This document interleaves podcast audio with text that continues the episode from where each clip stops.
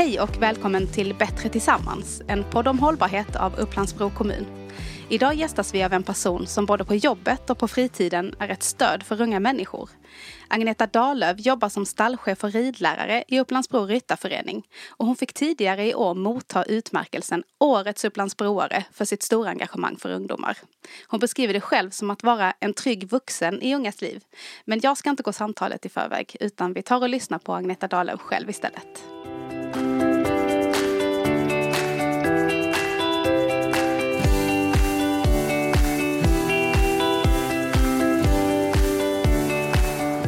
Agneta Dahlöf, välkommen hit. Mm, tack så mycket. Vad betyder en sån här utmärkelse för dig? Ja, det var ju totalt oväntat måste jag säga. Jag blev ju ja, väldigt överraskad. Eh, och jag är väldigt hedrad. Och sen tycker jag väl att den kanske, att jag delar den med väldigt många ändå. Jag, kan liksom, jag har lite svårt att bara ta till mig att det gäller mig utan vi är många som gör de här sakerna. Jag förstår. Och det är bra att de sakerna lyfts tycker jag. Mm. Mm. Mm. Du blev ju faktiskt eh, liksom rent praktiskt överraskad också på ditt jobb av kommunfullmäktiges ordförande som kom och berättade ja. för dig att du hade fått mm. den här. Eh, vad, berätta, ditt jobb är ju nämligen kopplat till eh, att du får den här utmärkelsen. Mm. Vad är det du gör? På ridskolan så jobbar jag som ridlärare eh, och stallchef. Så jag har några dagar när jag nästan bara sköter hästar och stall. Och sen så har jag några dagar där jag är ja, vanlig traditionell ridlärare. Mm. Hur länge har du jobbat där då? Sen 88. Okej, okay, ja, ja, så det är verkligen eh, ja, det är länge. ett bra tag. Mm. Mm. Och jag är inte äldst på platsen. Eller jag har inte varit längst på platsen, förlåt. Nej, häftigt. Ja, så mm. att vi är många som har jobbat länge. Jag förstår. Mm. Som trivs då får man väl utgå ifrån om ni stannar ja. så länge. Ja, vad härligt. Um, och uh, ditt jobb är ju väldigt kopplat till att du nu fick den här utmärkelsen. Um, berätta lite vad, eh, vad det är du gör där som ridlärare och stallchef. Eh, menar du till utmärkelsen eller tänker du bara en vanlig dag? Nej men eh, ja, du kan ju säga börja med att berätta en vanlig dag så att vi får följa med dig i ditt arbete och ja. så, så kan vi gå vidare sen. Okej, okay. ja, det beror lite på hur dagarna är. Om jag då är stallchef då är det, handlar det väldigt mycket om att sköta hästarna. De ska ut i hagen och de ska ha mat och man gör rent och man fodrar. Och, ja, det är väldigt så liksom hands-on praktiskt. Eh, sen de andra dagarna då, då har jag ju ridlektioner för blandade åldrar. Mm. Eh, så. Och då är det väl så att jag egentligen, jag tycker om alla mina elever men jag trivs bäst med ungdomarna. Ja, mm. för du fick ju, alltså i den här motiveringen till mm. eh, utmärkelsen så, han, så är ju den eh, så här att det handlar om att du är en trygg vuxen som har hjälpt unga människor att hantera tillvaron när den är som mest utmanande. Mm. Och det är väldigt fint. Um, och du, du, säger här att du just gillar att jobba med unga. Mm. Um, vad betyder det för dig, liksom, att du är en trygg vuxen beskrivs det som. Vad betyder det för dig i praktiken? Ja, alltså det är ju det att det är en unik situation hos oss. Vi har verkligen funderat på det här. Att det, om man går i skolan så har man kanske samma lärare i tre år. Eh, medan vi då kan finnas med hela livet faktiskt. Man kanske mm. börjar som sjuåring och sen så är man där man får följa dem som när de blir tonåringar och vuxna och sen kanske en del som försvinner under studietiden och så. Sen kommer man tillbaka när man har fått egna barn och så. Ja, så det finns en kontinuitet som, fin som är väldigt ovanlig. Och eftersom vi är väldigt många då som har jobbat väldigt länge eh, sedan 80-talet så finns det ju liksom en kontinuitet och trygghet. Så ibland ses vi som gamla och mossiga och ibland så står vi för något tryggt och stabilt. Liksom. Mm. Mm. Så att, eh, och då kan man ju få följa just det här att få att följa ungar som ibland har varit väldigt liksom, stökigt. Om de haft det jättejobbigt. Tonårstiden kan ju vara fruktansvärd för många. Och sen ser man dem som vuxna och trygga personer med egen familj idag. Och då kan man förmedla det till andra att ge inte upp det vänder för Fint. de flesta. Det Fint gör ju att få se hela det. den bilden också. Det är helt fantastiskt. Mm. Och då kan det ha varit riktigt illa bitvis ibland. Mm.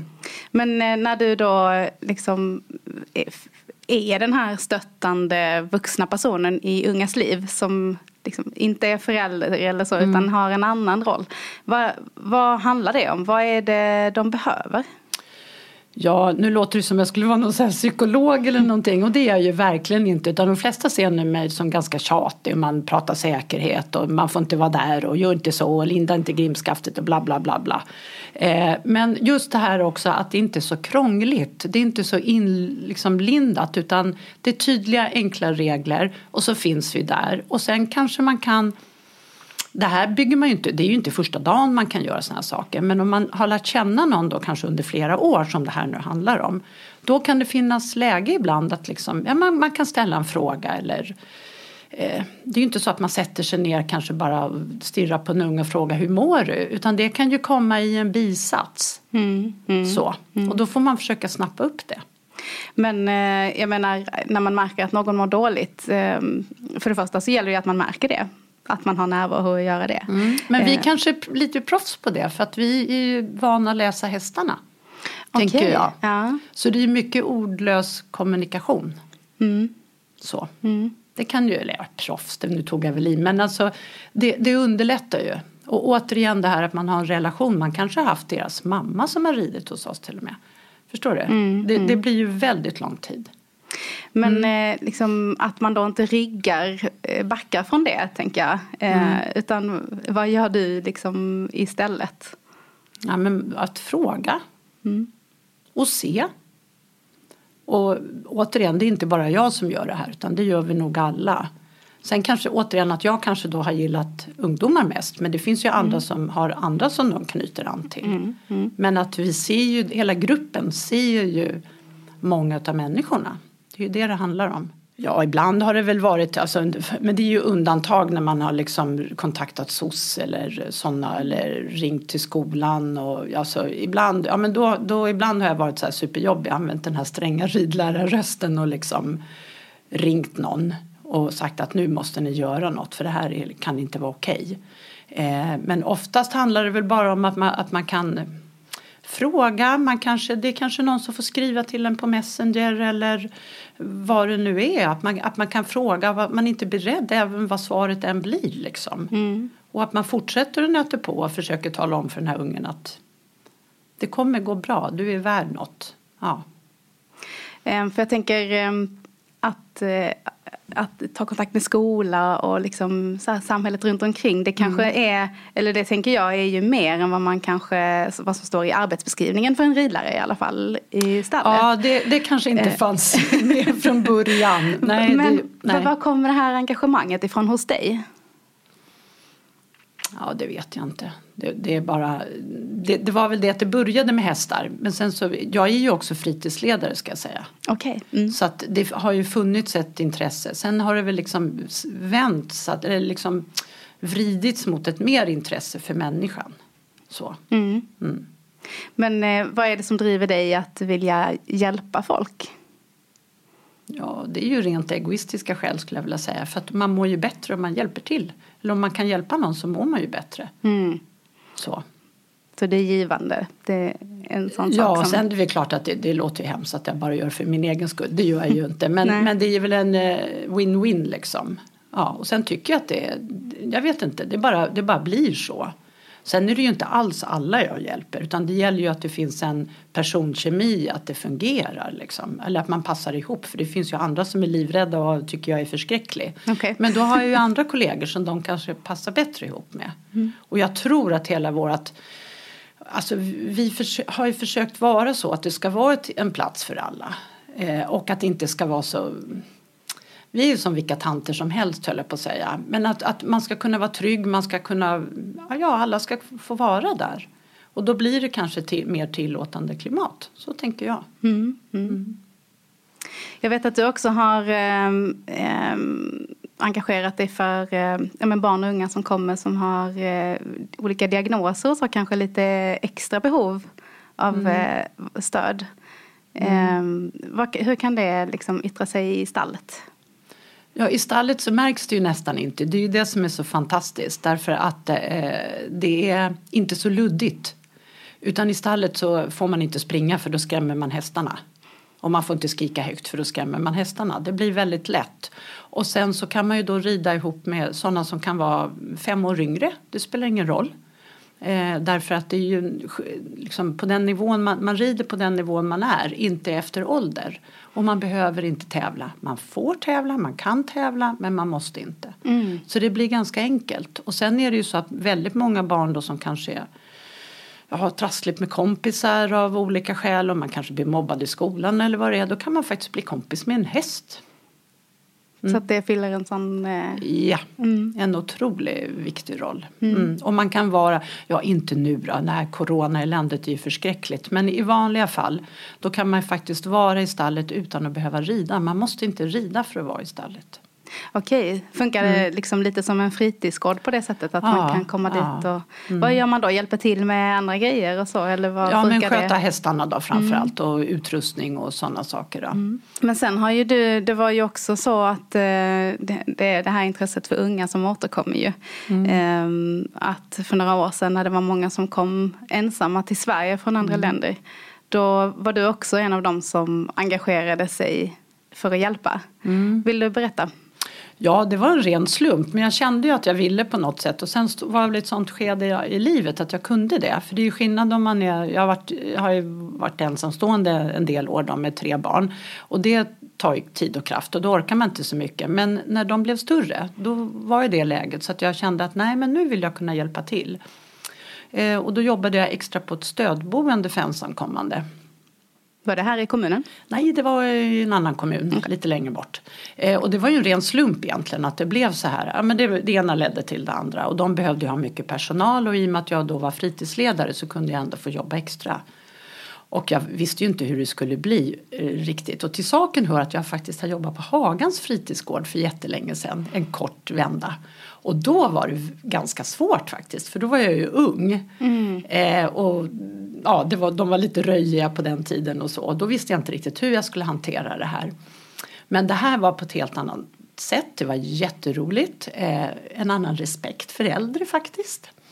Eh, och sen hade jag ju lite mer skinn på näsan. Mm. Så att det, jag kom in där och det var fantastiskt. Och de, jag uppfyllde väl en roll som liksom mamma som alla längtade efter. Mm. Mm, så. Hur var, hur var det en stor grupp du hade hand om då eller hur såg ja, det? Jag var ju inte ensam Nej, det förstår jag. Nej, mm. utan det var, från början var det 30 ungefär som mm. var där. Och det var ju svårt i början med språket och så men de, de var ju så snabba att lära sig svenskan så att det, ganska snabbt så kunde man ju börja kommunicera. Okay. Ja. Mm. Och det här var alltså då runt 2015, 2016? Äh, 16. 2016 ja. efter ja. flyktingvågen till ja. Sverige. Mm. Sen lades ju boendena, det ändrades ju, de flyttades ju vart det kommunplacerade och så. Mm. Så att det, det, var ju inte, det var ju bara under 2016 som jag jobbade där. Eh, men sen kändes det så konstigt att liksom, då lär man känna ungdomar och sen så bara släppa dem. Eh, och då har jag fortsatt på ideell basis. Att vad har du, stötta. Vad har du kunnat eller gjort då?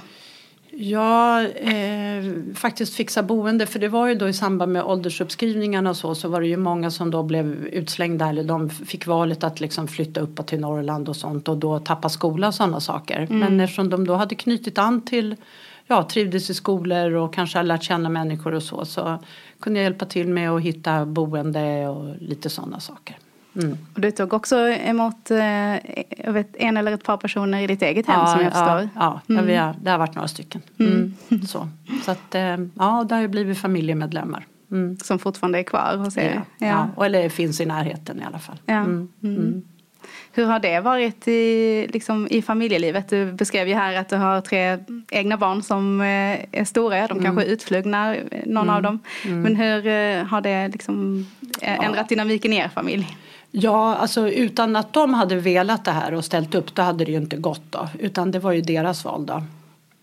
Och eh, det har ju varit fantastiskt måste jag säga. Eh, också att deras stöd som trygga stora syskon som har kunnat guida liksom vidare i livet. Så att jag är väl ibland även där tjatig tant. Men det de säger det är lag.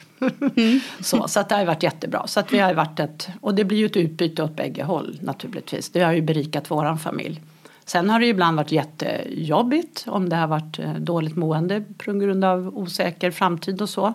Och då är det klart att det, präg, det är ju också tufft. Mm. Men så är det ju, man ställer ju upp för varandra i med och motgång. Mm. Hur mm. stöttar man i en sån situation? Det måste ju vara väldigt eh, pressande. Ja, det var svårt. Mm. mm. Och det var tufft också för man påverkas ju väldigt. Men eh, sen har vi försökt lära mig då att man inte får gå med. Ska jag kunna stötta så får inte jag bli för påverkad. Mm. Men det är jättesvårt. Det är Mm. jättesvårt. Mm. Ehm, det här, alltså, som sagt, vi kan ju konstatera att ditt samhällsengagemang är ju stort. Eh, hur ser du på det liksom på ett större plan? Alltså på ja, föreningsliv, ideella krafter i samhället och så. Mm. Vad tycker du vi har för... Eh, tycker du att vi har några särskilda skyldigheter? Som medmänniska eller Ja. som, ja, alltså, sen är det väl olika hur man är. Men alltså, jag kan ändå känna, man kan bli, om man bara läser tidningarna, då kan man bli, eller på alla sidor på nätet och så, då kan man ju bli beklämd och tro att vi är väldigt egoistiska och inte vill varandra väl. Men i det praktiska så har jag mött så otroligt många, alla kanske inte kan engagera sig som jag gör. Men med, med mindre saker så är det jättemånga som vill hjälpa till på olika sätt. Både på jobbet, att det är många människor som gör ideella saker där för att föreningen ska drivas framåt. Eh, och även som stöttar det här engagemanget som jag har med de ensamkommande. Man skänker saker eller pengar eller hjälper till eller inte vet jag. Det finns ju många andra som har öppnat sitt hem också. Mm. Mm. Så att eh, viljan att hjälpa är ändå, tycker jag, stor. Mm. Och jag kan inte förstå varför man inte, om man, kan, om man vill så är det väl bara att göra. Mm. Sen kan det ju vara att man skänker 100 spänn till Rädda Barnen eller inte vet jag. Den kan ju, man får ju göra det man klarar av och det man vill. Men om alla gör lite så blir det så mycket bättre. Det låter Mm. som att du har en, eh, en optimistisk bild ändå av hur vi är mot varandra här. Ja, den är väl blandad. men, men ofta kan jag faktiskt bli positivt överraskad. Mm. Så.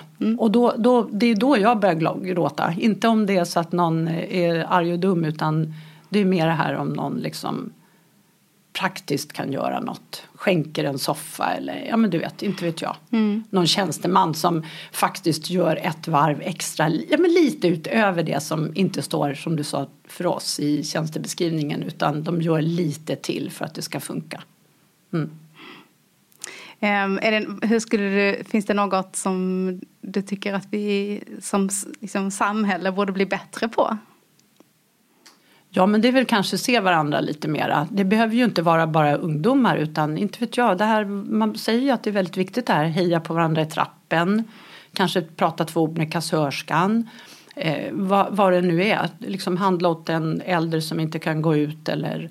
Och det ska ju bli intressant att se nu om vi man säger ju det att man börjar faktiskt värdesätta det som är viktigt nu under pandemin och det är ju inte prylar och, och så utan det är ju relationer och varandra och jag hoppas att vi nu när vi nu kan träffas så småningom att vi tar tillvara det och gör det på ett helt annat sätt. Mm. Så att vi kommer ut ännu lite bättre på andra sidan. Ja, för att det finns ju jättemånga som är ensamma idag och jag menar om man då kanske pratar med en granne i trappen det kanske underlättar den dagen, inte vet jag. Mm.